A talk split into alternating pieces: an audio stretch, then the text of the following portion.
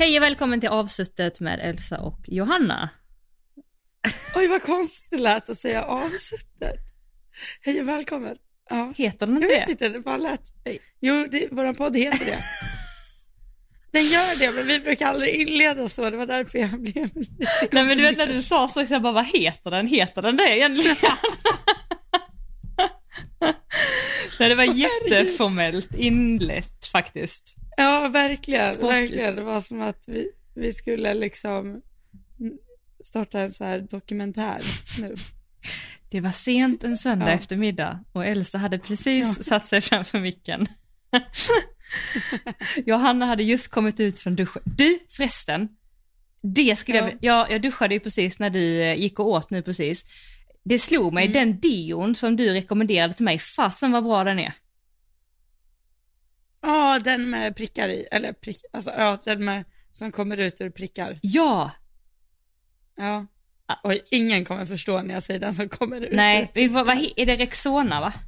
Rexona, man ska skruva på den och så kommer det ut ur liksom små hål, typ. Den är så här mjuk-ish, men inte rinnig. Nej. Och inte stift hård, utan det är typ en mousse. Kunna säga typ, ja. Mousse, Kräm. Den luktar Ja. jättegott och den håller faktiskt jättebra. Dock så ska man ju inte ha svarta kläder direkt efter. Nej, nej, precis. Det är lite synd. Alltså jag tycker den håller ju, den håller ju typ för bra. Ja den är Den går ju typ inte bort i duschen. Nej jag vet! Dagen efter Ja. man är så, hallå, armhålan. Va, va? Jag vet. Jag har också stått där och bara, hallå? Nej, vattnet bara rinner av liksom. Ja, alltså verkligen. Jag är impregnerad. Ja det känns lite så. Eh, men den är också Ja. väldigt, väldigt, väldigt, väldigt, väldigt dyr. Är den? Det kostar typ strax över 100 spänn. Är inte det dyrt? Oj. Ja, jo det var dyrt för en deo. Mm. Ja. Men jag använder den bara för spe- speciella tillfällen. Det är inte min vardagsdeo. Aha. Då tror jag typ att man skulle bli, ens porer hade ju liksom kvävts till döds, döds då. Jaha, men jag använder den varje dag. Ska jag sluta med det kanske? Jag vet inte. Men alltså vet du, det var typ det största, största samtalsämnet jag hade med en person i, i USA när jag var där. För att hon höll på med någon sån här deo-detox. Att hon så här skulle sluta använda deo för då skulle man sluta lukta illa typ. Ja, jag har hört detta. Och då, det var ju synd om henne för hon ville ju liksom då förklara sig hela tiden. Och hon luktade inte illa, alltså inte alls. Men hon var så här, åh gud jag har slutat med min deo, så jag så här, att det är för min deo-detox. Och så, så här. Jag har också hört, Men det var eh, väldigt roligt. Ja. hört det och att det finns ju, alltså det som är faktiskt kast med de flesta deosarna är ju att det finns otroligt mycket aluminium och kemikalier och skit som går in i kroppen så att det är ju inte bra. Så det finns ju de här naturliga, bättre eh, som är utan de här ämnena och men jag tycker ju inte att de är, de är ju inte bra, eller jag tycker inte att de fungerar. Eh, men jag har aldrig testat det här med att sluta helt och sen sluta Mm. lukta eller sluta svettas. Jag vet inte. Inte sluta svettas men ja, ja. kanske. Men alltså, en deo, nu rätta mig om jag har fel. En antioxidant deodorant, deo. Vänta, hur fan blir ah, Eller vänta. Nej vänta, det är något annat. Va? Nej vänta, nu måste jag.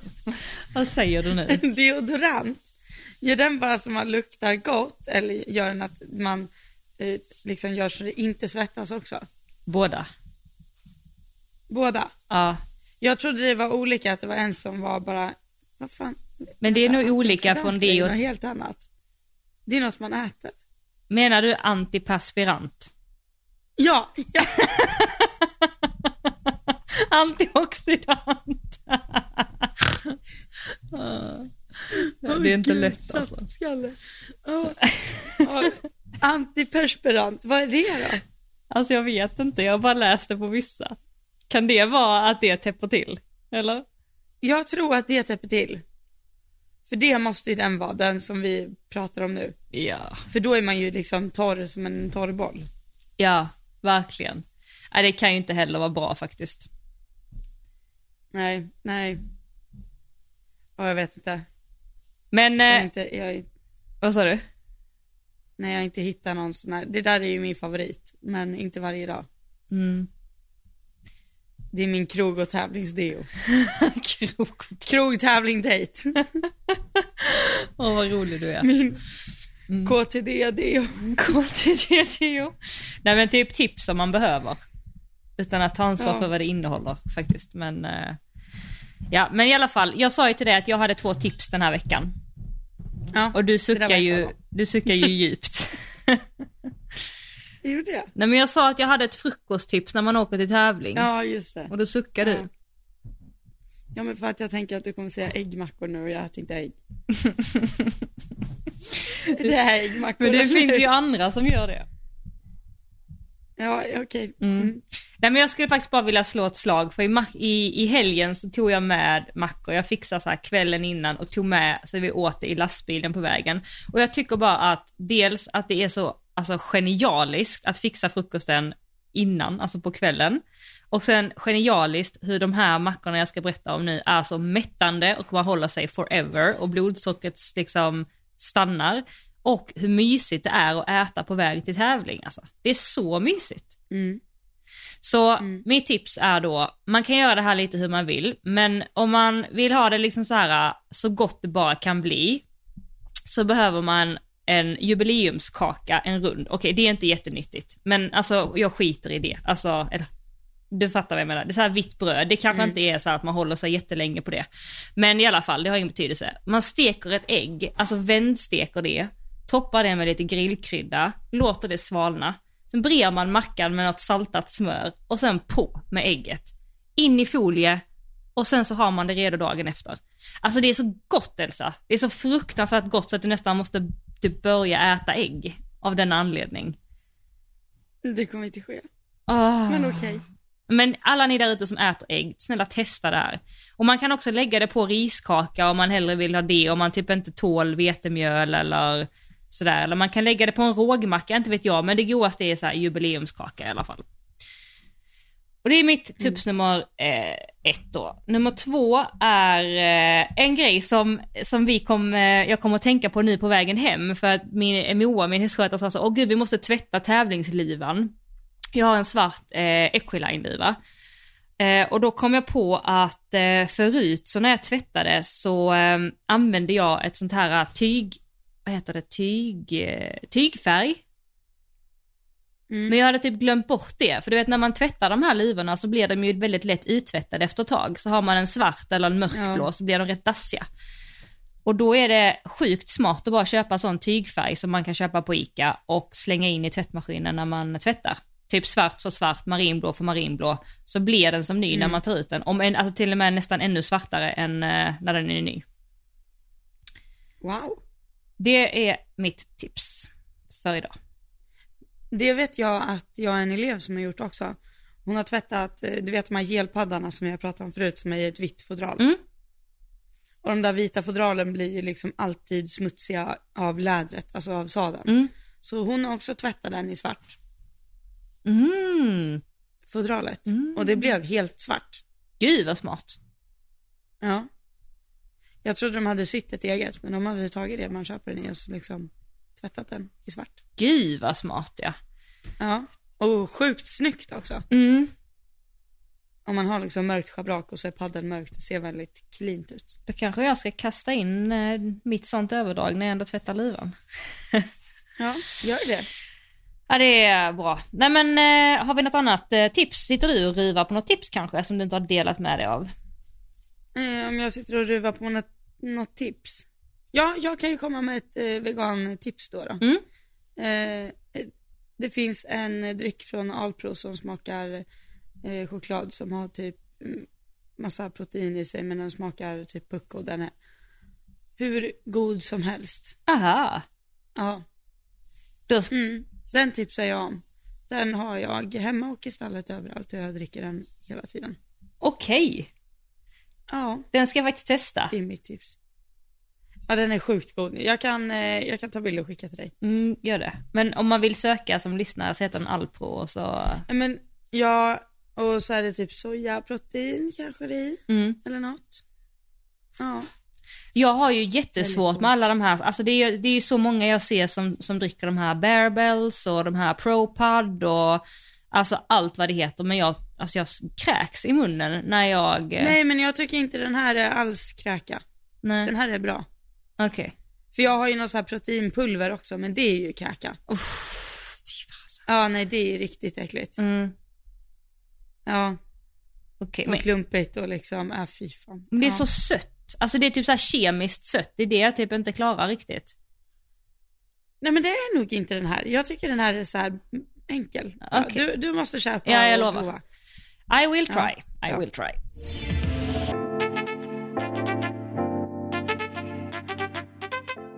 Men Johanna, Ja. du har ju debuterat i helgen. Ja, just det. Det Mm. har jag gjort faktiskt. Eh, Jag hoppade, debuterade, Berätta. ja jag debuterade 1.25 med Fia. Och eh, det gick faktiskt väldigt bra. Jag inser att eh, det som typ Linnea har sagt till mig eh, ganska ofta, att det är mycket lättare att rida henne på större hinder. Eller så här att ju högre det är desto bättre typ. Och det är verkligen så. Mm. Faktiskt. Vi diskuterar ju lite det, Fia och Is det är ju väldigt lika. Mm. Jag debuterade ju 1.30 på han i helgen. Precis, exakt. Mm. Han var jättefin. Mm. Jättefin. Ja, jag hade ett eh, ner, eller det var, jag hade två ställen där jag kunde välja om jag ville göra sju eller åtta. Eh, och första var, då hoppade man in på en oxer och sen var det ut på en dogleg och då eh, gjorde jag åtta steg dit. Och det var inne i en kombination. Och det var nära men bra, han var jätteduktig. Och sen var en till dogleg och ut på en oxer som stod liksom lite in, in mot väggen och sen var det liksom ett smalt hinder. Mm. Eh, och det lär jag erkänna att det har jag typ aldrig alltså det, jag har inte stött på det på väldigt länge och jag, jag, jag har inga smala hinder hemma heller. Så jag var så här, och sen lite högre klass, då vill jag bara vara lite på min vakt och sen hoppar han lite åt höger så vill jag komma liksom med högerskänken lite grann. Och då när jag kommer med högerskänken så blir det, tar han den lite mer som gas än liksom putta in bogen bara och då går han lite för mycket på den distansen som redan var lite hålla. Mm. Så då får vi fram, frambommen där. Men annars var han jätte, jättefin. Mm. Så jag är jättenöjd. Shit vad kul. Men du, du får hem och såga av eh, någon bom då ju. Ja, jag vet, vi har ju till och med så här bommar hemma som har gått av. Men de är ju lite väl korta liksom. Ah. De är kanske inte som man vill bygga en fet 1,30 också av liksom. Nej. Just det, det var en de ox vara också. sådär två, ja, Mm. de ska ju vara så här kanske 2,20, 2,30, ja något sånt. 2,20 kanske. Men vi kanske det har, smalt? Nej, det är nog, undrar hur smala, smal, undrar hur smalt ett hinder får vara inne på banan. ah, det måste ju finnas någon regel för det. Det måste finnas en regel. Mm.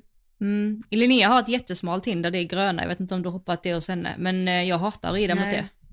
Jag hatar när det är med. jag tycker du? det är väldigt, väldigt, väldigt smalt. Det känns som att man måste verkligen liksom hålla in eh, fötterna när man hoppar. Du vet, man kan inte vinkla ut tån, man får liksom vinkla in allt nej, man har. nej, precis. Alltså det jag, ett ställe jag stod uppställd på förut, där hade vi så här miniatyrversionen av safety system. Du vet de korta bommarna och korta hinderstöden och så här. Eh, Har du sett att det finns? Nej, det har jag nog inte Det är gjort. verkligen, hinderstöden är hälften så höga och bommarna är liksom hälften så långa också. Ah. Och det byggde ju vi liksom riktiga, men det här var ju under tiden jag hoppade liksom tunnor på höjden i kombinationer. Det var liksom den, den tiden i livet. Gud, jag måste verkligen bring it back. Ja, Ja men du har ju då ändå man koll. Du hade ju också, du sätter upp de här inläggen i, eh, i hinderna och hoppar utan hinder. Alltså de här små bockarna hoppar du ju på. Ja, du gör aldrig det. nej, Att hoppa bara fillers. nej liksom. det borde jag göra. Inser jag nu när jag säger det. Mm. Vet- Alltså vet du något jätte, jättebra? Mm. Det är, du tar en, en, liksom en filler eller en ifyllnad och sen lägger du en markbom ganska långt framför, alltså typ 20 centimeter framför Mm. och sen lägger du en bom typ 3,30 bakom. Mhm. För då måste du dels liksom hålla hästen inom ramen på sidorna. Mm. Och sen hoppar den också väldigt runt då för att du liksom har markbommen utdragen och sen en bom efter. Så det blir inte bara så här, oh nu ska jag ta mig över här och mellan, ja liksom, och pricka den utan du gör det också framåt. Det blir väldigt runt, jag tycker det är bra. Mm. Det funkar bra. Bra tips. Ja, jag brukar göra det en del. Ja. Men, men jag tänker också, det kanske finns någon som lyssnar som sitter och eh, designar hinder. Mm. Det kanske vi har. Hör av er till. Intressant. Mm. Då kanske det är någon som kan hjälpa dig med ett sånt hinder. Kanske. Eller på något sätt. Nej men jag har ju, eller jag har, nej men det här bygger jag ju själv. Nej men jag menar du? de här smalhinder, alltså så du kan få en 1,30 också smal. Ja, exakt. Ett och den ska vara enfärgad också. Ja ah, okej. Mm. Det är det som är liksom hela grejen. Och så ska den vara en stark färg, typ så här skrikgul. Eller skrikgrön eller något. Och så ska det inte vara några sådana här, eh, liksom eh, skiftningar på bommarna. Så att liksom hela hindret är samma färg. Mm. Var det det nu i helgen? Ja, det var det. Det var helt rött. Jätte, jätterött. Oj. Det var bara som en stor jävla varningsgrej. Oj. Och ändå Och smalt och två också. gånger. Var, var det också Jag på Saratoga också? Nej, det var det ett räcke. Okej. Så jag rev den en gång åt ena hållet och en gång åt andra hållet. Ah, hem och vet vad du ska hem och träna på. Ja, Ja, ett enfärgat smalhinder. ja precis. Jag hade också lite ner i helgen, eller några nedslag. Jag hade ett nedslag i varje klass med Fia, tror jag. Mm. Ja, och det var ur vänstersväng båda gångerna. Jag måste verkligen eh, hem och, och eh, bli ännu eh, tydligare där faktiskt. Det, hon- faller ju in till vänster väldigt, väldigt mycket.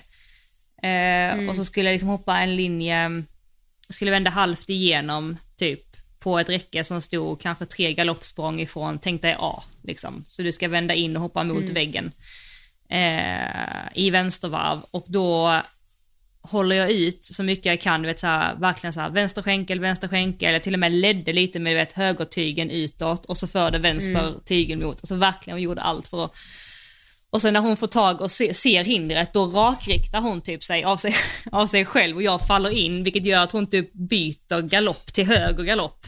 Alltså i vänstervarvet och ett galoppsprång innan, vilket gör att alltså, jag tar ju bommen alltså med vänsterbogen typ. Alltså inte riktigt så illa var det inte, men så. Sen hade jag också en oxer, men det var ett räcke och så en väldigt böjd linje på en oxer. Där hade jag också det eh, ner. Så att, eh, men det är bara hem och träna. Men annars utöver det så kändes det väldigt, väldigt enkelt att rida in i den här 1.25an och jag, jag fick faktiskt en sån flashback, inte flashback, så här igenkänning. Jag läste eh, Jennifer Bratz Malou, hon har ju sålt den. Mm. Eh, läste en artikel om det. Jag vet vad vi pratade om henne och den hästen också någon gång. Mm. Alltså jag, har, jag älskar ju den hästen, jag tycker ju att den är helt magisk alltså. Verkligen på alla Ja. sätt. Men eh, så läste jag den här artikeln om hur hon beskrev där att när hon fick henne hur hopplöst det kändes och hon knappt kunde styra och bromsa och inget kändes liksom så. Till då vad hon faktiskt avslutar med nu innan hon säljer. Och då fick jag också... Jäklar vilket jobb. Ja, otroligt jobb och så inspirerande. Verkligen. Ehm, men eh, det får mig också tänka så att typ, som jag har sagt innan när jag fick Fia, det har ju också känts helt hopplöst. Alltså det går inte att svänga och inte bromsa och inte någonting liksom. Till ändå att kunna rida in i 1,25 och bara känna att det känns ändå ganska enkelt. Även om jag inte ens kan ha henne rakt där helt så kändes det ändå förhållandevis enkelt. Och det är ändå så, Nej men mm, det betyder mycket. jag minns det när vi pratade om det. Det här måste ju varit i, var det här typ i vin, höstas? Eller när var Nej, nej det var när vi satt på Falsterbo. Ja, ja. Mm. Så jag bara, men hur går det med Fia då? Och du bara, nej men alltså, alltså du vet, jag, det går, nej. Det är så här, jag bara, men det ser inte så illa ut. Du bara, nej men känslan är inte där. Det är liksom, du, nej, ja, du var lite uppgiven då, Mm. om man säger så. Jätteuppgiven. Ja. Och då hade jag varit det i ett år liksom. Oj då. Ja. Typ sen jag fick henne. Alltså verkligen, jag sa till och med så, alltså för att jag är så otroligt tacksam för det var ju FG som hjälpte mig att hitta henne. Och han Mm. har ju ett otroligt jäkla öga för hästar, alltså det ska han verkligen ha. Alltså så många fina hästar han har hittat. Han hittade Kalle till mig också. Mm. Eh, och jag, jag hade ju inte världens budget liksom när jag skulle köpa Fia. Eh, men, och jag ville hitta en häst som jag kunde hoppa stort med i framtiden. Ehm, Som inte var för rädd om sig. Men som hade liksom hjärta och en jäkla inställning och hade framförallt scope liksom till det. Mm. Eh, Så, och det kunde jag ju inte se i henne, alltså när vi såg videos på henne, men FG kunde ju se det och det är precis det, all, all, alla de ingredienserna har hon. Och sen har, ridbarheten är ju inte fantastisk, så att man får väl kompromissa lite där, men Mm. då vet jag när jag fick hem henne att jag bara kände så här, alltså vad, vad har vi köpt? Alltså hur ska jag kunna göra det här? Jag kände mig som en mygga på en elefant. Eh, och sen, eh, ja men det kändes faktiskt helt eh, jättesvårt och jättesvårt. Och, det, och då vet jag också att jag bara nej men så här, nu måste jag ha ett öppet mindset och jag måste så här, alltså så här kan det kännas och jag får bara hitta nycklarna och den här hästen kommer lära mig otroligt mycket. Ehm, så det är bara att bita i liksom. Men sen på vintern där så till och med så sa jag, för jag vet att FG gillar henne otroligt mycket och ville typ ha henne själv lite så. Så då var jag till och med så här, att fast Mm. så, så kan vi, kan vi göra någonting? Alltså kan vi liksom, alltså vill du köpa henne eller ska vi försöka hitta ett annat hem liksom? Alltså för att det här kommer inte, nej men usch jag blir så rörd när jag säger det för att hon är liksom, fan jag är så tacksam för den hästen. Ehm, och jag skulle liksom, alltså tänka på att sälja henne finns inte ens i mitt hjärta eller, eller i huvudet liksom, för hon, hon är helt fantastisk. Men det är så, det jag vill komma till är, det är så kul hur någonting kan ändras så mycket på bara typ ett år eller ett halvår. Ja. Ehm, och att man inte ska ge upp när man känner liksom att fasen det här typ kommer aldrig gå alltså, när det känns så. För det kommer det göra. Ja. Har du någon sån Ja. historia eller någon, har du känt Ja, Ja, jo jag Ja, vet ju va? med Bell men, eller väl, mm. såklart. Ja. Mm. Men där var jag nog, alltså jag typ så här. Eller om det var för att jag var lite yngre då och visste lite mindre liksom. Och var så här, jag var, jag var ju jätteuppgiven över att det liksom inte fungerade. Men jag hade samtidigt typ så här, jag hade ju typ inte riktigt något system. Så det var ju också så här, jag skulle inte säga att jag fick henne att fungera för att eh, eh, jag hade rätt system för den hästen, utan jag fick henne att fungera, jag hade liksom byggt något sorts system runt henne liksom. Att det var så här, okej, men om jag möter upp med lite tigel här och lite skänkel och lite så här, klappar skänkeln lite medhårs här i den här svängen, så kanske vi kan ta oss till andra sidan.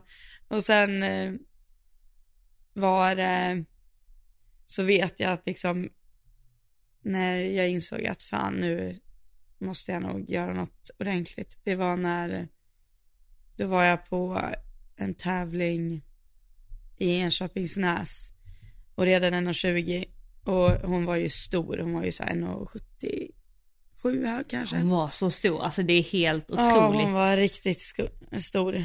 Ja. Och så rider jag en 1,20 där och så bara kommer jag inte framåt på linjerna, alltså så här sju steg och det bara blir så jävla långt bort och sen ska jag rida en, typ enda egentligen svårigheten på banan kom på slutet. Så var det två oxrar eh, på en rak linje på fyra steg emellan.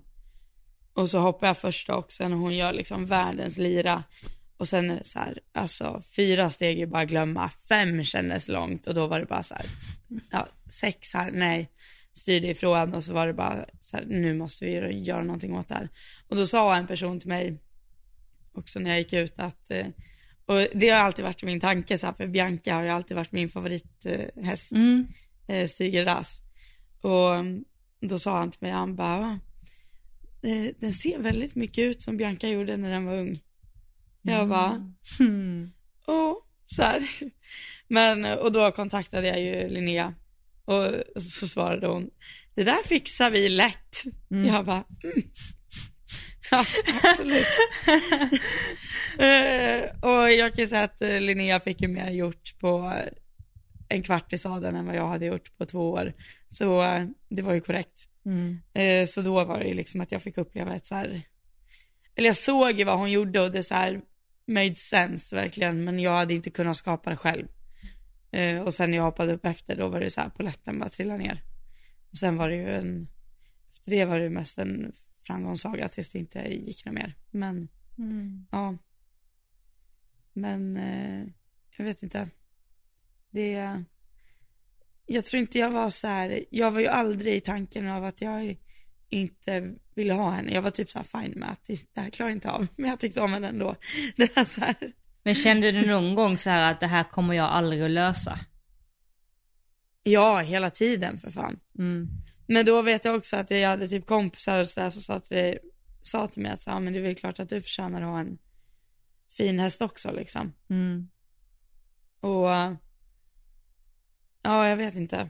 Men sen insåg jag nog när jag väl började få koll på henne att hon var ändå lite jobbigare än vad en normal häst med mycket blod är liksom. Mm. Och det var ju allt, det var liksom lastning och det var, nej det var inte, hon var inte rolig alltså, men jag tog hjälp, hjälp med lastningen också. Och ja, men också en sån där, hade jag inte haft den hästen, då hade jag aldrig varit där jag är idag. Alltså hon var, jag var så tvungen att hitta lösningar på saker. Så hade det inte varit för henne så hade jag, jag hade inte lärt mig lasta som folk. Det var, jag hade ju ett sätt att göra det på innan, men mer, alltså verkligen lärt mig. Mm. Eller hantering från marken. Jag hade inte åkt ner till Linnea antagligen, för jag hade väl fortsatt ratta runt på någon häst lite halvdant.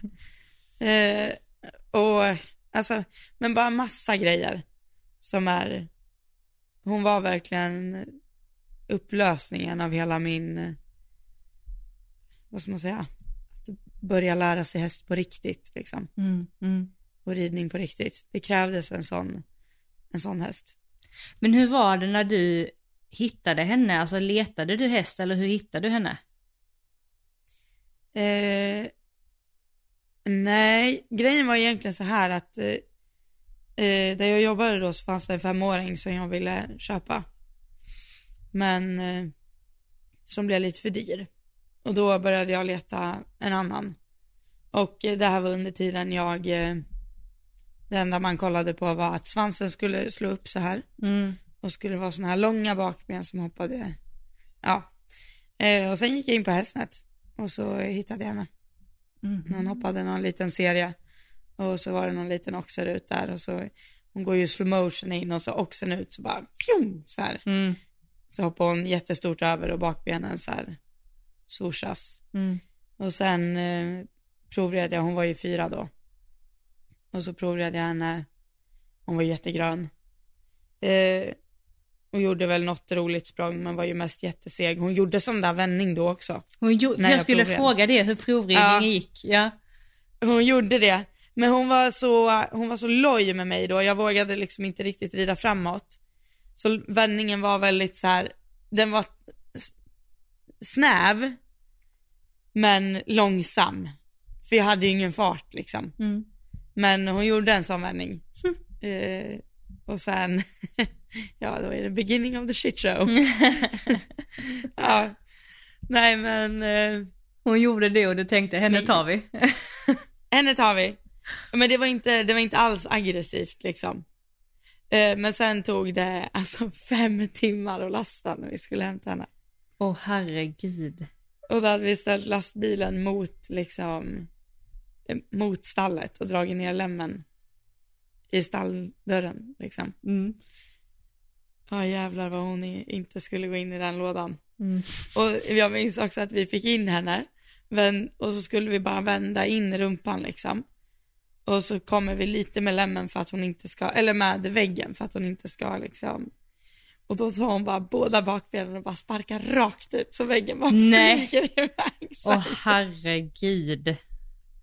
ja, Åh gud, och så hade jag med mig en kompis som inte, alltså bara för att jag inte skulle åka själv. Och hon bara kollade på mig och bara, vad är det för monster du har köpt liksom? Ja, herregud. Så det var hästnät Ja. alltså från början. Det visste jag faktiskt inte. Ja, det var hästnät. Ja men du, jag är jätteduktig på att shoppa på hästnät. Ja, det vet, det vet jag ju nu sen jag Ja. lärt känna dig. Mm. Men jag har hittat eh, väldigt många hästar på hästnät. Mm. Ja. Mm. Lasse var hästnät. Ja, precis. Badou var ute på hästnät, men jag fick hamna på utbildning först. Ja, just det. Eh, Harley var hästnät. Ja, just det. Har. Men eh, Diggy, Mm. var hon där? Nej, det var hon inte. Nej. Okej. Nej. Nej men det var kul att höra faktiskt hur det började alltihopa. Men du har ju i alla fall också alltså känt så här, uh, fan det här kommer aldrig att gå och sen har det ändå kommit en vändning eh, någonstans där det faktiskt, man har gjort saker man aldrig trodde att man skulle kunna göra tillsammans med sin häst. Ja, gud ja. Mm. Ja, alltså. Det minns jag. Jag la ut, eh, de inläggen kan ju vara inne och kolla på en, liksom nu också. Då hade jag lagt ut från samma tävling. Och så var det nog 2019, Just det. nej 2020, 2021 och 2022. Kan det varit det? Det var tre år Nej, i alla fall 2022. samma tävling. Ja, det var tre år. Eh, det måste varit eh, 19, 19, 20, 21 var det. Mm. Eh, och alltså jag minns när jag tävlade den penjampen då 2019, jag tänkte bara så här, ja, det är ett under. Och du vet att, och då började hon ändå bli okej hemma. Men varje gång man kom in på tävlingsbanan så var det som att det var liksom klister under hovarna. Mm. Och du vet hon var spänd, gick inte att ställa, gick inte framåt, gick inte att bromsa. Vet ingenting funkade. Alltså det var som att försöka sparka runt en trähäst. Alltså, det var så illa. Så det var så här, och så var hon i två år på tävling. Och du vet, och jag tänker fortfarande när jag ska gå in med en ung häst nu, att så här, okej, jag måste ha i åtanke, den kan kännas jättestel, den kanske inte tar skänken när jag kommer in, den blir så spänd så allt bara, men alltså, jag har aldrig känt något liknande. Hon, Hon satte hon tar ribban. ett pris, ja hon satte ribban på hur hemskt det kan kännas. Och du vet, jag bara fortsatte. Och det var så här, jag bara, ja, men jag fortsätter anmäla till tävlingar. Men det är ju tack vare det, alltså alla de där jävla rundorna som bara var så här. Oh, vad hemska de var. Mm. Men, eh, ja, herregud. Mm. Nej, ja, jag det... vet inte. Helt, ska jag vara helt ärlig så hade jag inte velat göra om det. Inte? Alltså, nej, nej, inte alla de åren av liksom, jag tror att eh, det var, alltså som jag sa, jag hade inte, jag tror inte nu att jag hade velat hålla på med en sån, eller nu har jag också verktyg som gör att jag kanske inte hade hamnat där, men just eh, liksom ramla av så mycket och åka på så mycket tävlingar och vara så besviken och liksom så mycket tårar, det, ja jag vet inte, jag, jag tycker inte att ha häst ska inte vara fullt så hemskt som det var stundtals liksom. Nej.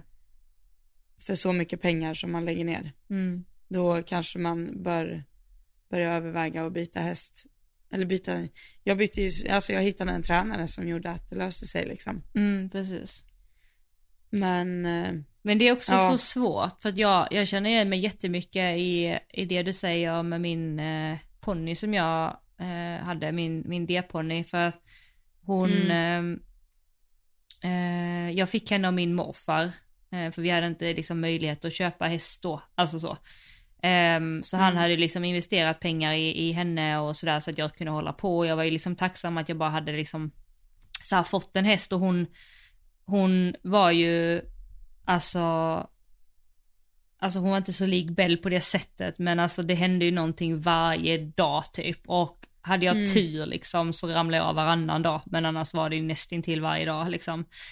Eh, och det var så här in i väggar och det var hjärnskakning och det var liksom akuten, jag vet inte hur många gånger jag var där liksom. Alltså det är inte konstigt man liksom är senil idag, så många smällar man har fått i det här huvudet alltså.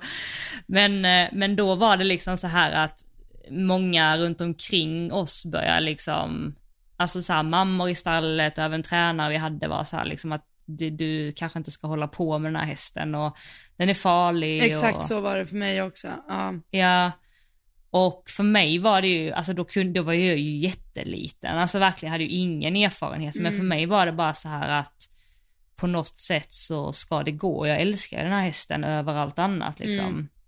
Eh, och sen hade vi ju inte heller möjlighet att bara, dels så kunde jag ju inte sälja henne, för vem skulle köpa en häst som jag var utesluten med varenda tävling, alltså jag vet verkligen så här, jag kommer jag kommer ihåg att jag kom ut från tävling en gång, jag hade typ 20 fel, det var innan det var den här gränsen.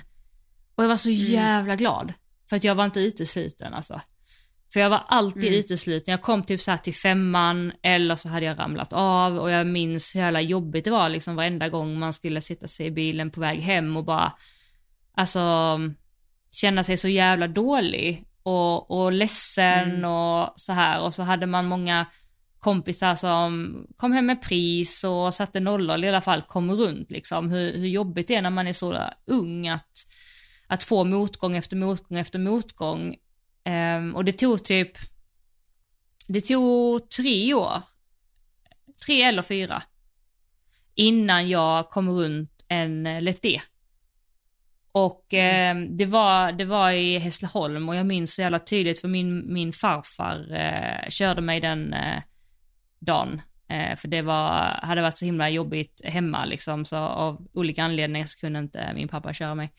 Eh, och då körde han mig dit och eh, då var jag så här, eh, alltså när jag red i mål efter den oxon, alltså det, det var, alltså jag, jag kan fortfarande känna den euforin och den lyckan, jag bara så här, fan det gick. Ja. Nej, men alltså, tänk, tänk tre år, alltså det är så otroligt långt innan man får Ja. känna att man kan sätta en Och fel det är sjukt lång tid när man är så ung också. Ja, Då är tre år nästan ännu längre tid liksom. ja, alltså Ja. verkligen. Men sen typ efter det så, det låter det så här kanske jag romantiserade, efter det vände det. Nej men det var verkligen så här att det började funka, så jag hade ju kvar henne typ i ett och ett halvt år innan jag var tvungen att sälja henne för att jag blev för gammal. Eh, fick storhäst och så, eller två år kanske. Och då hoppade vi typ så här Let's C vet jag, typ så här vi var trea i någon Let's C och du vet så här starta Let B med fyra fel Ja. och det var så här, kanske någon nolla i Let B tror jag också. Och det var så här, från att gå från den tiden till att ändå få lite, vad heter det, alltså för, för pengar, vad heter det, alltså värde, vad heter det, att man får lite Ja, men, men, valuta för pengarna. Valuta för pengarna. Ja men alltså du vet lite så här Ja. att man får känna på att det går. Eh, och då, jag tycker det är så intressant hur en häst och en ryttare var för sig, men också tillsammans kan utvecklas så mycket. Och göra en sån otrolig, otrolig resa på några år. Ja, ja gud ja.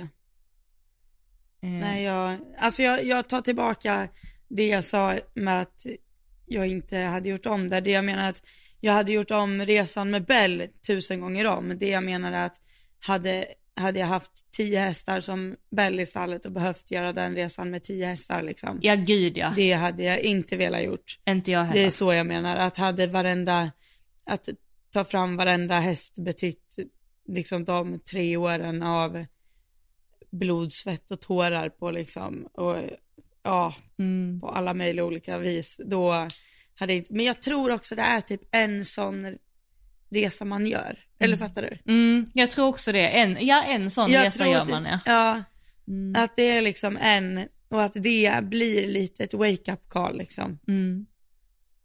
Och Eller jag, ja, jag vill mig tro det.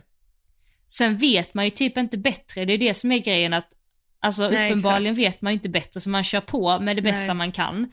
Det är ju nu så här i efterhand man bara, men fast de här tre åren hade ju kunnat bli ett år liksom. Alltså Mm. med de verktygen man har idag eller annan hjälp eller så. Men det är ju tur att man inte vet det, det är ju därför man kör på, för att man vet ju inte bättre. Ju. Ja. Och alltså jag minns en grej, precis som du sa att folk runt omkring började vara så här, gud du borde inte göra det här eller så här, det här är farligt och exakt så var det för mig med Bell också. Mm. Och det blev jag typ så här triggad av för jag blev så här, nej gud jag ska fan ta mig i mål med Ja. det här för, för Bells skull. För det blev så här, jag bara, gud de förtjänar inte den här skiten för jag insåg ju också att det här är ju för mycket liksom, eller jag tyckte det var för mycket häst för vad jag rådde på eller vad jag, för jag, eller vad jag hade kunskap för. Mm. Och sen var det så skönt att när jag liksom nu menar jag inte att Linnea tyckte hon var fantastisk, för det tyckte hon absolut inte. Men eh, hon hade i alla fall verktygen för att få henne att fungera. Och sen åkte jag hem och så kunde jag liksom enkelt jobba vidare och sen var hon ju felfri 1,30 liksom. Mm. Flera gånger. Det var så här, nej det var bara sjukt. Att det var så här, jag menar inte att det var skönt att visa alla så här, ja ah, kolla det gick. Utan det var mer bara, jo det var det Fast också. jag skulle precis säga det är jäkligt skönt också. Det var det också, det är jäkligt skönt också. Mm. Men, eh, Men för en själv också, för man tvivlar ju också när andra tvivlar på en. Alltså man börjar ifrågasätta sig Ja, själv men också. precis. Även om man vet Ja. att man bara, jag ska fixa det här till varje pris. För jag hade också precis så som du, att man blir så här motiverad av det. Men också, Ja. tviv, alltså jag tvivlar ju också. Liksom.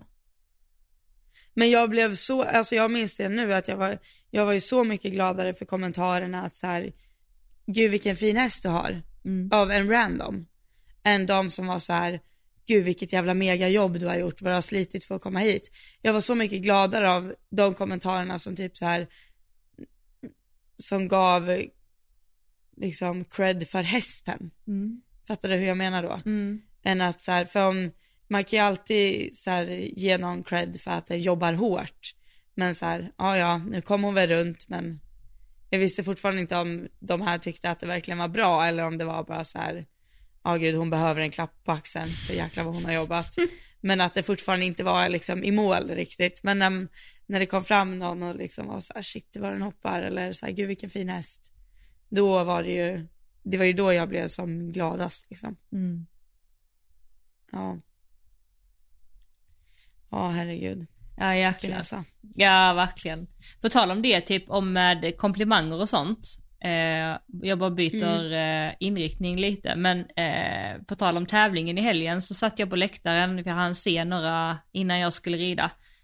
Och eh, man brukar ändå typ så här ha koll på typ, eller nej det ska jag inte säga, jo, jag skulle säga att de jag brukar ändå ha koll på de ryttarna som jag tycker typ rider bra. Alltså nere på våra tävlingar. Man har ju inte koll på alla långt ifrån. Men bara okej den ryttaren rider bra. Det här är liksom. Man vet så här, den här ryttaren kan jag titta på om jag vill se någonting liksom innan och känna att den gör ett bra jobb liksom eller så. Men så satt jag på läktaren och så kom det in en kille som som skulle hoppa samma klass som mig och så red han runt och så bara ju fler hinder han hoppar så jag bara så här, fan vem är det här? Typ, alltså så, bara jäklar vad, vad alltså en ung kille, kan inte varit gammal så säkert, men Mm. bara jäklar vilken känsla och bara vilken timing och bara wow vad han är liksom, hästarna var i, i balans och, och han var i balans och han hade liksom en plan med allt han gjorde och han var klar fram till hindren. Man kunde se att han såg liksom så här 6, 7, 5 galoppsprång innan vad han behövde göra och sen så var det klart fram till hindren. Alltså allting bara var så här smooth och man såg knappt att han svängde så här. Så bara. Mm. Och jag visste faktiskt inte vem det var men så kom jag på att vi, det var ju eh, en tredagars tävling där i Ljungby där jag var så att det var många som liksom från Sverige som kom liksom långväga och så. Mm. Och sen så, så träffade jag han ute på framridningen och bara så red fram till honom och sa att bara fasen vad fin runda du gjorde. Alltså så. Och jag visste inte alls vem det var men så kollade jag upp honom, för jag kollade på startlistan och så vill jag ge honom en shoutout nu. ja, han hette Vincent Fransén och han var uppifrån typ Loviseholm någonstans. Jag har aldrig sett honom innan, vet inte vem det är men fasen vad trevligt den killen red. Verkligen. Kul. Och på tal om det, att så här, när någon kommer fram och säger, eh, säger till en vad fin häst eller vad fint ridet, alltså hur otroligt mycket det kan göra när någon random säger det. Ja, verkligen. Eller Ja, hur? gud ja. Ja. Det ligger så mycket kraft i det. Jag hade faktiskt två poddlyssnare som eh, var på den tävlingen jag var på Jaha, i helgen. okej, vad roligt. En, en som skrev på Instagram och en som eh, kom fram på tävlingen. Vad Hon roligt. red, hon red till och med innan mig gjorde hon, tror jag. Eller efter mig. Ja, Ja. var roligt. Ja. Jättekul. Det är så Jag kul väldigt när... stolt och glad. Ja men jag träffar också väldigt ofta, säkert, är säkert minst en varje tävling jag är på också som kommer fram typ så vid barn, barngången eller någonstans och bara jag lyssnar på podden och gud vad bra och så här. Det är skitkul alltså. Ja. Nej, det är jätteroligt. Ja, vi är tacksamma för er lyssnarna och att ni, att ni tillkännager er och sådär. Det får ni alltid känna att ni kan alltid komma fram och chitchatta och snacka. Det är bara jättekul.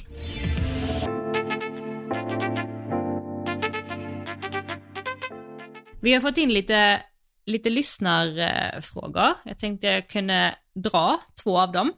Ehm, det var en, en tjej som heter Filippa som eh, ställde en fråga som alla ryttare antagligen känner igen sig mer eller mindre, vilket hon också skriver. Hon säger så här, Hej, jag har en fråga som jag tror berör alla ryttare, nämligen hur man får plats med alla träning och tävlingsvideor på telefonen utan att lagringsutrymmet tar slut.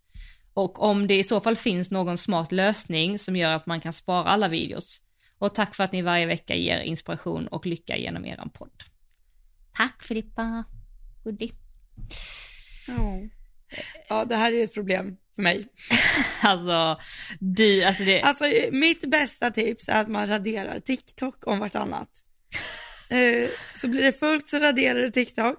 alltså appen. Eh, och sen, ja, Ja. och sen får du rensa lite och sen kan du ladda hem TikTok igen. Och sen när du märker att så här, oh shit, nu kan jag knappt filma. Ta bort TikTok och så kan du filma i alla fall det passet. Sen får du rensa lite och sen får du ladda hem TikTok igen. Eh, Johanna, du kanske har lite mer vuxen plan på det här. Åh vad roligt. Fast det brukar jag också, alltså, eller nu har jag faktiskt inte det problemet, men när jag hade det problemet så brukade jag faktiskt radera appar också. Alltså när man står där i stundens hetta Ja. och behöver utrymme. Alltså en, en annan grej som är faktiskt jättesmart att göra när det kommer till så här raderat, alltså saker som man har onödigt i telefonen. Det är faktiskt att gå in och radera alla bilagor som man har fått i meddelande. Det kan man göra på inställningar, typ om man går in på inställningar, meddelande och så står det alla bilagor. Så då kan man typ rensa allt som Men folk du- har skickat. Men det vill ju inte jag ta bort. Nej men du kan bestämma vilka du vill. Alltså så du kanske har sånt som, som du inte vill. Alltså typ om någon har skickat screenshots till dig som du inte vill ha. Typ. Jaha, okej. För jag vet att jag får upp ett så alternativ när jag går in på inställningar att så här rensa bort konversationer som är över ett år Nej, det är inte det. gamla. Nej. För då om man klickar i det, då förlorar man ju alla bilder som man har skickat. Du, jag Ja. vet, alltså alla, den, den, är, den var iklickad helt omedvetet från mig och jag har typ inga konversationer kvar. Alltså jag ville ha från min pappa och sånt när han gick bort. Men allting är typ så helt Mm. borta. Ja, det är så himla hemskt. Nej, det ska man absolut inte göra. Men man kan alltså eh, filtrera själv liksom. Typ de här vill jag radera Mm. och då kanske så här jag skickar tävlingsvideos till dig. Ja men vad ska du med dem till? Alltså, Ja, nej men exakt. Alltså WhatsApp, ja, kan vi bara, kan bara hästfolk sluta med WhatsApp för jag orkar inte längre. Det, den äter ju utrymme i telefonen. Ja. Jag har så mycket videos på WhatsApp och jag tror typ att varje gång jag skickar en video från, som, är, som redan är på min telefon, Mm. då blir den liksom dubbel, tror jag, i, i minnet. Mm, För då är den som uppladdad och sparad igen liksom. Mm. Alltså det är, ja, Men där kan du Mm. också gå in och radera i dem, fast då får du nog gå in i varje konversation och radera lite. ja. Eh, Ja, Men herregud. det pallar man ju typ inte heller. På ett sätt. Men jag har ju den ifylld, jag vet, den kan man också ställa in men jag har inte gjort det. Alltså, allt du skickar sparas ju i min telefon. Alltså i kamerarullen. Så att ibland när du har skickat en video Ja, till mig, gud. så är jag inne i min kamera så bara, vad är det här för video? Så bara, vad fan? Så trycker jag upp den så är det någonting på dig. Så, jag, så ser jag sen att du har skickat den via WhatsApp. Jaha. Och då har den liksom kommit till mitt kameragalleri först. Åh gud, jag ska skicka det helt random nästa gång. Ja. Jättekonstigt. Kommer du undra. Nej, men du sa till mig innan, Ja. eh, för du nämnde den här frågan. Ja, ja du men hade ju någonting bra, så fram med det. Ja, ja men det stavas iCloud. Det är så enkelt Ja, bara. det var inte svårare än så. Nej. Och då har jag till och med skrivit ner här hur man gör. Alltså för att grejen är så att om man aktiverar, man får ju betala för det efter en viss eh, megabyte, tror jag. Eh, men det gör jag gladeligen. Jag betalar för en terabyte då. Tror jag. Eller tio, eller ja, väldigt mycket i alla fall. Eller Vänta, du har en terabyte på din telefon och den är full. Ja, alltså. Men jag Ja, har i alla ingen fall... aning hur jag lyckas. Ja. Ja, men i alla fall den liksom sparar ner automatiskt upp i molnet och då innebär det att den typ så här tar bort utrymme från den videon i kameragalleriet eh, och lägger i molnet istället. Och det som är lite negativt med det är om jag typ ska gå och hitta en video sedan tre år tillbaka. Eh, då får jag liksom trycka på den så laddar den, kan ta lite tid att ladda innan jag kan se den.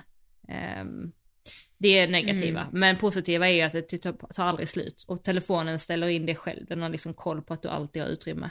Men då om man vill göra det så kan man gå in på inställningar. Och så går man högst upp där det står ens namn. Och sen eh, står det iCloud där, då trycker man där. Och sen så här på hantera lagring. Och då kan du köpa till. Så det är faktiskt ett jättetips. För det är skitstörigt, speciellt när man har så 64 megabyte på sin iPhone, alltså det är ju inte många videos man får plats med där alltså. Nej, gud nej. Alltså, jag har filmat dressyr ibland till, eh, till Ida när hon har ridit. Mm. Och du vet, då filmar ju, man ju allt på hela träningen. Ja. Alltså vet, jag filmar ju, jag filmar ju såklart eh, liksom rundorna när man hoppar. Eh, Men det blir inte alls lika mycket som en dressyrträning. Du vet, då är det ju samma långsida där 45 gånger fram och tillbaka i liksom 45 minuter film. Mm. Och då tänker jag så här, ja men jag filmar lite här, den här travdelen och så här. Sju minuter senare. och sen blir det ju några sådana. Så ja, Nej, men jag tror att det är nej, typ... det är eh, ännu värre för dressyrfolk. Ja, det är ännu värre för er faktiskt. Sen finns det också någon sån app man kan ladda ner som gör att man, jag kommer inte ihåg vad den heter, men det är nog bara en googling bort som raderar alla dubbletter man har, för ibland har man ju otroligt mycket dubbletter. Ah, smart. Mm. Mm. Sen är man ju också dum, alltså man tar ju typ så 30 bilder på sin häst och så väljer man en. Alltså de andra 29 Och hade man ju kunnat... man inte. Nej. alltså det borde man göra, det säger Andreas till mig också, bara radera dem direkt. Jag bara ja, och så gör jag inte det.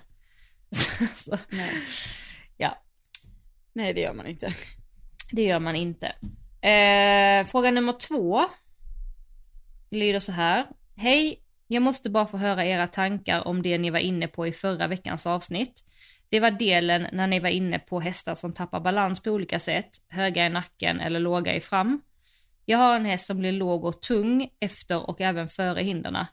Hon är även av den lite latare sorten och därav lite långsam fast samtidigt kvick. Men när jag vill göra henne lite snabb och få upp henne så blir hon istället kort i galoppen, snabb och inte så kommunikativ och överlinjen låser sig något. Men fick några nya tankar av det ni sa. Men vill nörda ner mer i både höga och i mitt fall djupa hästar och era funderingar kring det. Ja, som sagt, hade det varit enkelt så hade vi vikt våra liv åt något annat än hästar. Tack Johanna för din fråga. Nej men jag tänker att hon är lite så här, vi har ju, både du och jag har ju lite det här problemet med några av våra hästar, så att de, är- de är lite fram, framtunga liksom, lågställda, låga, lågställda Mm. halsar, tunga, eller mot det tungare hållet liksom, och låga. Vad tänker du? Mm.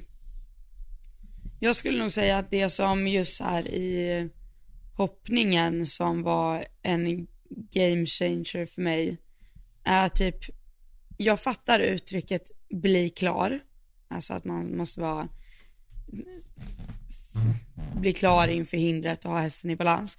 Men jag tycker typ att ibland när man hoppar låga hinder hemma så försöker jag göra precis tvärtom. Att jag låter hästen falla isär genom svängen och bara liksom rulla på genom svängen. Och sen när jag är på väg att rida an hindret, att det är då jag liksom ser till att den är på bakbenen och sen har jag tillräckligt små hinder så jag egentligen kan, om jag känner att så här, att den fortfarande gräver ner sig sista språnget in i hindret, då är jag fortfarande kvar lite i handen och liksom se till att den inte landar ännu tyngre utan nästan gör liksom en halvhalt i, liksom över hindret. Mm. Eller över bommen eller vad det nu är jag trimmar över. Eh, och sen får den i balans efter och sen låter jag den falla isär igen genom svängen. Och så återupprepar man det här en miljard gånger tills hästen börjar fatta själv att så här, oj det kommer ett hinder, det är nu jag ska sätta mig lite på bakbenen. Så man inte, jag tror typ att den största missen man kan göra, det här funkar också jättebra på heta hästar som drar lite hinder, att eh, man liksom fixar klart allt i svängen och då bara ser man sin distans och typ låter hästen falla isär mot hindret, över hindret och då landar man i ett rent så här kaos verkligen. Och sen måste man dra i bromsen igen och så sitter man och bromsar i svängen och så lyckas man till slut få igenom sin halvhalt. Men då ser man nästa distans och så måste man kanske lägga på lite ben och sen blir det liksom bara på och av hela, hela tiden. Mm. Istället för att bara våga låta det kännas lite jobbigt genom svängen. För det, speciellt en lågställd häst, precis som du har nämnt med Fia, orkar ju fysiskt inte vara i perfekt balans hela tiden. Nej. Liksom. Exakt. Det blir så jobbigt för dem att vara liksom där på bakändan. Om man tänker att liksom bakbenen är så här som en fjäder. Att den vill du komprimera när du kommer mot hindret. Mm. Och sen kanske du jobbar den lite lösare genom svängen och sen vill du komprimera den helt. Att du liksom, ja, Mm. att du inte, du behöver liksom inte jobba den på max genom hela svängen och så här kriga för att vara i perfekt balans. Mm. Utan där kanske bara nöja sig i lite arbets, liksom, mellan galopp, Mm. rulla, rulla på Mm. och sen liksom försöka söka balansen. Mm. Och sen ja, och det är ju, alltså det är ju delade meningar om det med eftergift. Jag är ju för att inverka över små hinder. Ja. Eh, och inte, Jo, men också alltså över inte större alltid hinder. ge eftergift. Eller- Ja, över större hinder också, men speciellt hemma när man liksom hoppar smått, när man kanske ska börja lära, lära sig det. Mm. Att eh, är egentligen väldigt, nu när vi har pratat ridstilar förut, väldigt oamerikanskt, för de ger ju alltid handen Mm. Eh, liksom över hinder att hästen ska få verkligen all eftergift den behöver Mm. och vill ha nästan överdriven liksom. Mm. Och jag är snarare så, man kan se det, nu fick jag så här slowmo videos från tävlingen att det är väldigt sällan tygen ens glappar över hinder för mig. Den, eh, jag håller liksom handen vid manen men tygen är typ ändå sträckt utan att den drar liksom. Mm. Men att jag då känner i landningen att behöver jag, då kan jag krama redan liksom, krama handen redan i landningen över hindret så kommer, så vet jag att jag landar liksom i balans. Mm. Mm. Hur tänker Ja. du? Nej men jag tänker exakt likadant. Eh, jag tror att jag nämnde det i podden också. Just med Fia i och med att hon är som hon är, väldigt lågställd och eh, väldigt stor häst. Det är väldigt lång häst, det är mycket häst och inte bara det att hon är lågt framåtställd, alltså lågt ansatt hals. Hon är också liksom eh, naturligt då framtung, Eh, och sen så har hon också otroligt mycket påskjut bakifrån. Alltså det är mycket power där bak liksom. Så att allting säger så här, kom och gräv en grop med frambenen liksom. Där det står alltså. typ så. Ehm, och det som nog var en eh, game changer för mig är det precis det du beskriver. Som Linnea hjälpte mig också med då att eh, våga, fast att jag känner att alltså okej, tåget går liksom och det är liksom, jag känner som att jag, det enda jag vill göra är att bromsa, alltså så känns det, för jag har ingen kontroll typ, så var det ändå typ att galoppera fram, ehm, framåt. Eh, och sen som du säger också typ så här i svängen och om man tänker så här långsidan innan då, om man säger att man ska hoppa snett igenom, att våga låta henne vara lite, alltså inom citationstecken isär, eftersom att inte, som du också är inne på, att de orkar ju inte vara i balans där och det känns ju ganska liksom jobbigt att känna att hästarna är lite, lite kanske på framdelen eller lite så här, inte ur balans helt, men liksom lite isär, isär. Eh, men att sen när man vänder upp mot hindren sista galoppsprången där, sista sex eller fem galoppsprången, där jag rider ju med lite högre hand kanske än vad en vanlig, eller så här, vad medel är, precis som du, vi rider ju med lite högre händer.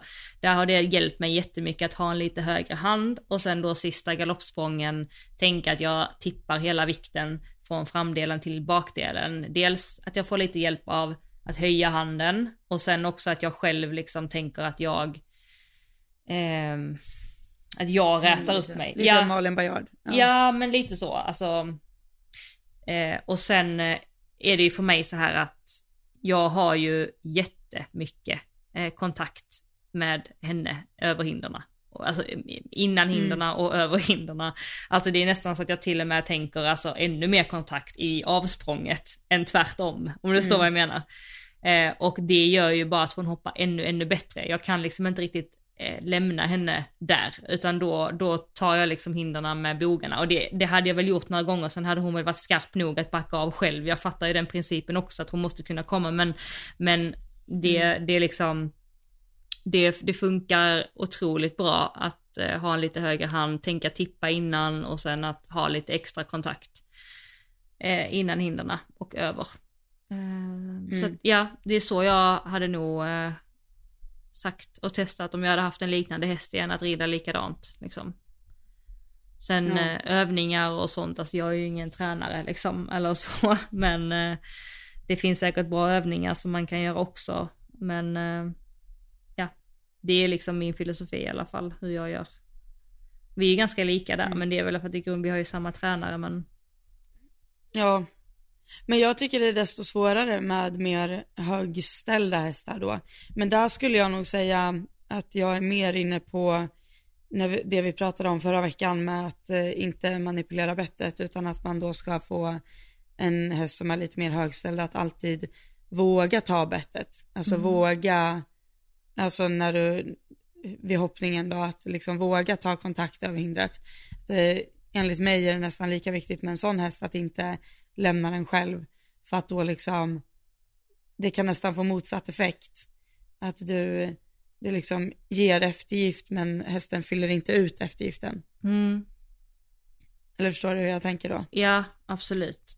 Jag har det lite med Cassie faktiskt också. Hon är, alltså men det är framförallt typ efter hindren eller så här, hon kan hamna, du vet som vi pratade om, du bara varför man vill ha martingall när man hoppar. Eller när man rider unghästar. Alltså så, för att de kan liksom komma så högt med huvudet att, att, att tygen slår över. Eller så här, går över. Ja, Alltså så. om de rycker med huvudet liksom. Ja, precis. Hon har ju lite det liksom.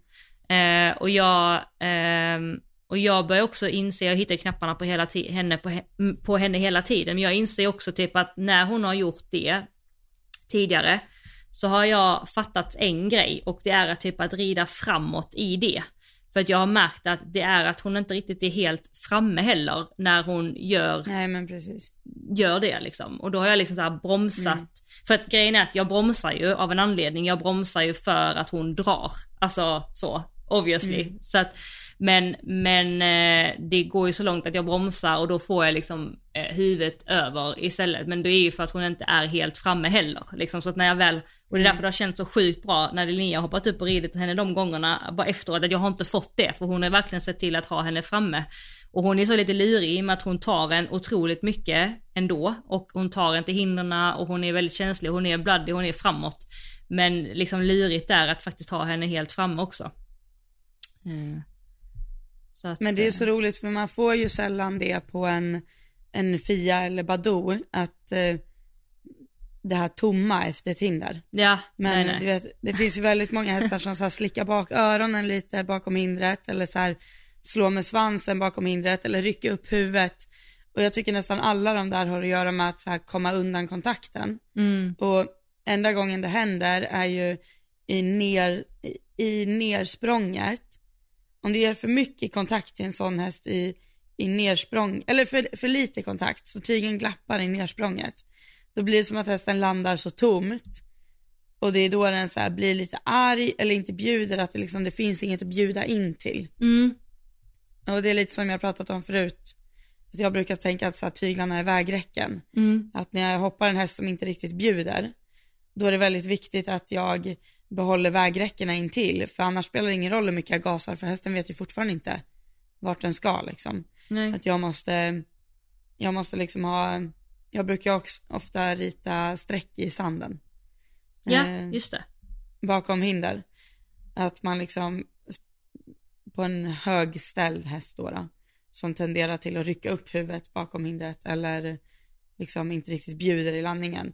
Att inte bara tänka att den måste fram utan också att så här, du vill att den ska fram in i något. Ja. Liksom. Den ska fram in i båda tyglarna. Men där, tycker inte du att brygga eh, hjälper jättemycket där? Jo, jo, jätte, jättemycket. Mm. För jag Brygga märkte... eller Mm. ännu enklare manridning om man har långa armar. Just det, det var ju det. Nej men alltså våga, korta, våga rida med så korta tyglar eh, så du kan hålla handen i manen och bara vara där hela, hela, hela tiden. Man är verkligen. tight liksom hela tiden med Man är hästen. tight med hästen. Eh, kolla på Henrik von Eckermann liksom. Vad menar du? King Edward, King Edward är ju en ganska högställd häst när han hoppar. Där, eh, ja, det är inte så långa tyglar där och det är väldigt mycket kontakt. Mm. Och det är också så roligt för det, och jag vet, det, det är inte det att jag menar att jag inte tycker att man ska ge hästarna eftergift, men kollar man på liksom topp, toppryttarna, att de som får problem, det är ju fan när tygen glappar. Och det är liksom, och det blir för slappt och liksom, och så här, att det inte är tight, precis som du säger. Om man kollar alla de här så man säger wow, hur kan det se så enkelt ut? Det är ju liksom Marlon Modolo, det är, eh, eh, vilka fler? Ening? Ja men Marcus Ening, ja. Eh, ja men alla de där. Mm. Det är ju liksom, kolla hur mycket tygen glappar där. Mm. Exakt. Noll. Mm, verkligen. Alltså konstant kontakt och en hand som liksom följer munnen hela, hela tiden. Mm. Verkligen. Och det är heller inte starkt, det, utan det är liksom ett kilo, inte mer, inte mindre. Nej, nej, det är ju Det- konstant liksom. Samma. Ja. På tal om det, jag red ju faktiskt hela banan, förutom till sista hindret, med, eh, i brygga på Kalle i helgen, i energigen. Ja men jag såg ju det. Mm. Det ser otroligt mycket det? bättre. Det kändes faktiskt väldigt enkelt och det kändes alltså som jag var mycket tajtare med honom och jag var mycket mer, alltså, alltså mina händer, jag, jag måste ju liksom, alltså jag måste sluta. Jag försöker verkligen träna bort det, att inte röra händerna, för jag kan ju verkligen så här, ta hjälp av att röra händerna. Så här, och det kan ju vara, det, Ja, impuls- vet. det är impulsivt liksom. Alltså, Åh, sluta bara. Men ja det här är så roligt för sen, eh, sen vi poddade om det senast mm, och pratade om det, då har jag ju verkligen gjort det på alla hästar nu senaste tiden. Och jag har insett, ja det är det brygga, Mm. och jag har insett, och jag har ju sagt att alla mina hästar är tung, tunga i höger tygel. Mm. Och nu när jag börjar lösa allt med, nej men tror du inte, tror du inte att jag, tror du inte att jag har fått tre hästar tunga i vänster tygel nu helt plötsligt? Du vet som jag har suttit på Lasse och bara så här, "Äh, nu ska jag få loss den här högersidan och du vet så här dundrat på med högerskänken och sen red jag i brygga idag och jag bara, Här behöver jag ju Nej. vänsterskänkel liksom. här, nej men här är det ju ett, ett major problem i min vänstra hand liksom. Eller min vänstersida liksom. Det är, ja, Det är- herregud. Det är exakt det Ja. som är så trevligt. Alltså med brygga, att man bara får upp alla de här äh, ögonen. Och jag, jag har kommit på en till sak jag gör. Att sitter jag i höger varv och jag känner att hästen trycker lite inåt, då leder jag lite i vänstertygen. Mm, smidigt. Ja, Ja, ja, alltså jag är likadan. Jättebra idé. Men jag gör det aldrig åt vänster. Nej, jag har Om också en hästen sån. tränger lite åt vänster, Mm. nej då leder jag ju inte med höger utan då gör jag ju det som en liksom normalt funtad person. Mm. Men åt höger är jag tydligen handlingsförlamad i högerskänken. Ja, alltså man blir så trött. Men ja, Nej, det är... jag, alltså de orden som du sa förra podden, det är så roligt för jag blir så inspirerad av våra samtal när vi sitter så här. Jag, Jag tänker med. inte ens på att vi poddar. Nej. Ja, och då sa du, okej, nu ska jag lösa det här med alla andra medel än utom handen liksom. Ja. Och det har jag verkligen anammat nu i en vecka. Du har det? Fan vad kul. Ja, herregud. Visst ja. är det svårt? Ja, fast samtidigt typ så enkelt. Eller förstår du vad jag menar? Ja, ja. det är så alltså- svårt, men samtidigt så, så här, gud vad långt man kommer av bara de här lätta grejerna. Exakt, man får hästen på plats mycket snabbare och mycket enklare och som Ja. du säger helt plötsligt så bara fasen nu, ja, nu är det ju den andra sidan och bara här har jag suttit och dratt den här tygen och då har jag verkligen, när jag exakt, det är så kul att du säger det, ja, jag blir helt såhär, du vet Ja. såhär, jag var helt bubblig inombords. Men att- bara, alltså bara en sån liten grej som att göra en 15 meters volt utan att göra så här cykelstyre, ja, du vet bara behålla ytterhanden kvar med en. mm. Ja, Mm. Nej det kan man inte göra om man inte håller i brygga tydligen. Nej. Då är man ju som en jävla bananas. Ska rida runt där. Woo! Ja. Ja. det är så intressant och kul.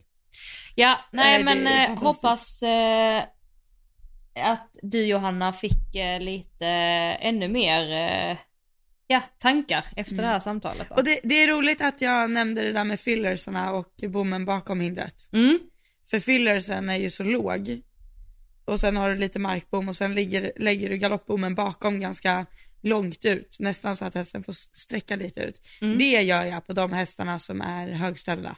just Och det. lite heta liksom. Mm. Och, och så är jag ju då tvungen att rama in på fillersen, eller på den eh, grejen. Så då har jag ju dem i båda tyglarna och så vill jag ju fram över bommen. Jättebra på hästar som tenderar till att inte vilja ha kontakt. Mm. Ja precis. Och som du, jag tror vi pratade om det här alltså utanför podden, men att liksom verkligen att den bommen bakom verkligen är så att hästarna får sträcka sig så att inte man har den för kort. Ja, den är inte till för bom bakom som att hästen ska landa snabbt, Nej. utan den är till för, som en lång studs ska det bli liksom, så här, som du verkligen kan galoppera igenom. Ja. Mm. Jag, jag får lägga ut någon film, jag tror jag har någon video på det. Mm, det kan du göra.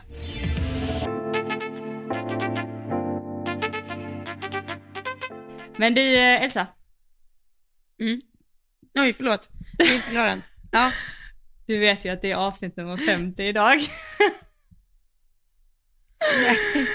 Det är avsnitt nummer 50 och jag råkade lova vid ett svagt tillfälle, något som väldigt många också har faktiskt snappat upp, liksom, att vid avsnitt 50 så ska du sjunga.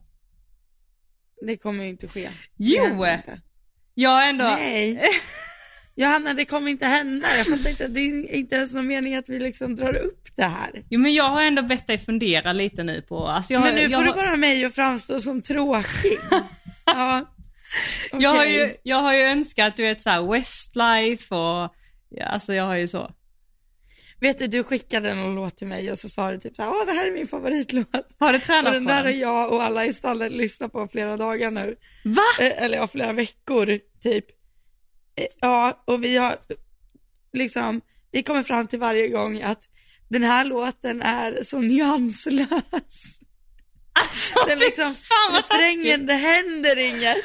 Den är så här, Men var det, det vilken av det var det? Var det, du kanske blir Obvious. lite sekundärkränkt nu. ja jag är lite, lite småkränkt blir jag. Men ändå att ni har fortsatt lyssna på den måste ju innebära att det är någonting den har. Jo men alltså nu, men nu har jag glömt bort vilken det är. Ja. Jag, Men- tog, jag tog faktiskt bort den från min lista, förlåt. Åh herregud, alltså. Nej, Nej nu, men den, var, den är fin och så, men den är liksom lite för lite, Jag tror att det är det, Westlife. det är inte hoja, så att säga. Ja, det är Westlife Obvious, tror jag. Jag skickade till dig. Eller Drowning kanske Ja, det, det var. kanske. Drowning, kan det vara. Jag vet Ja. inte.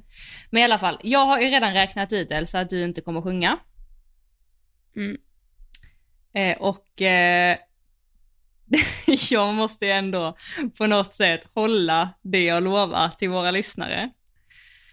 Eh, Alltså du sjunger. så det kan jag absolut göra, men då får ni stänga av nu för det är ingenting att lyssna på. För att det hade ju gjort ont i öronen. Men om jag säger som så här då Elsa. Vi behöver inte ta av våra kläder. Nej, alltså, nej, alltså Johanna det här är preskriberat. Vi klipper. Nej, nej. För några år sedan. Nej, Johanna nej. Johanna jag kommer pausa nu. Nej, det här gör du inte. Det här är, nej, nej, nej, jag är på riktigt. Nej, Johanna jag är på riktigt när jag säger det här. Nej, alltså din katt. Katt. katt. Nej, nej, nej. Men det är så jäkla bra. Det här, det här är en preskriberad grej som få av mina vänner vet. Och de typ två som vet det, vet också att nämner de det här, då har jag något ännu värre på dem som jag kommer säga direkt, oavsett sammanhang. Eh, och någon sån grej har jag inte på dig. Jag vet. Eh, Så okej, Elsa kommer att hata mig nu. Över allt annat och Alltså- antagligen så kanske vi kommer behöva ställa in podden. Jag kommer antagligen kanske inte ha en poddkamrat nästa gång. Eh, då får vi ta det, men vi vill hålla vad vi lovar och jag vet Elsa att du kommer hata mig nu, men det finns ett klipp på dig som jag råkar ha och det är det sötaste klippet som jag någonsin har sett.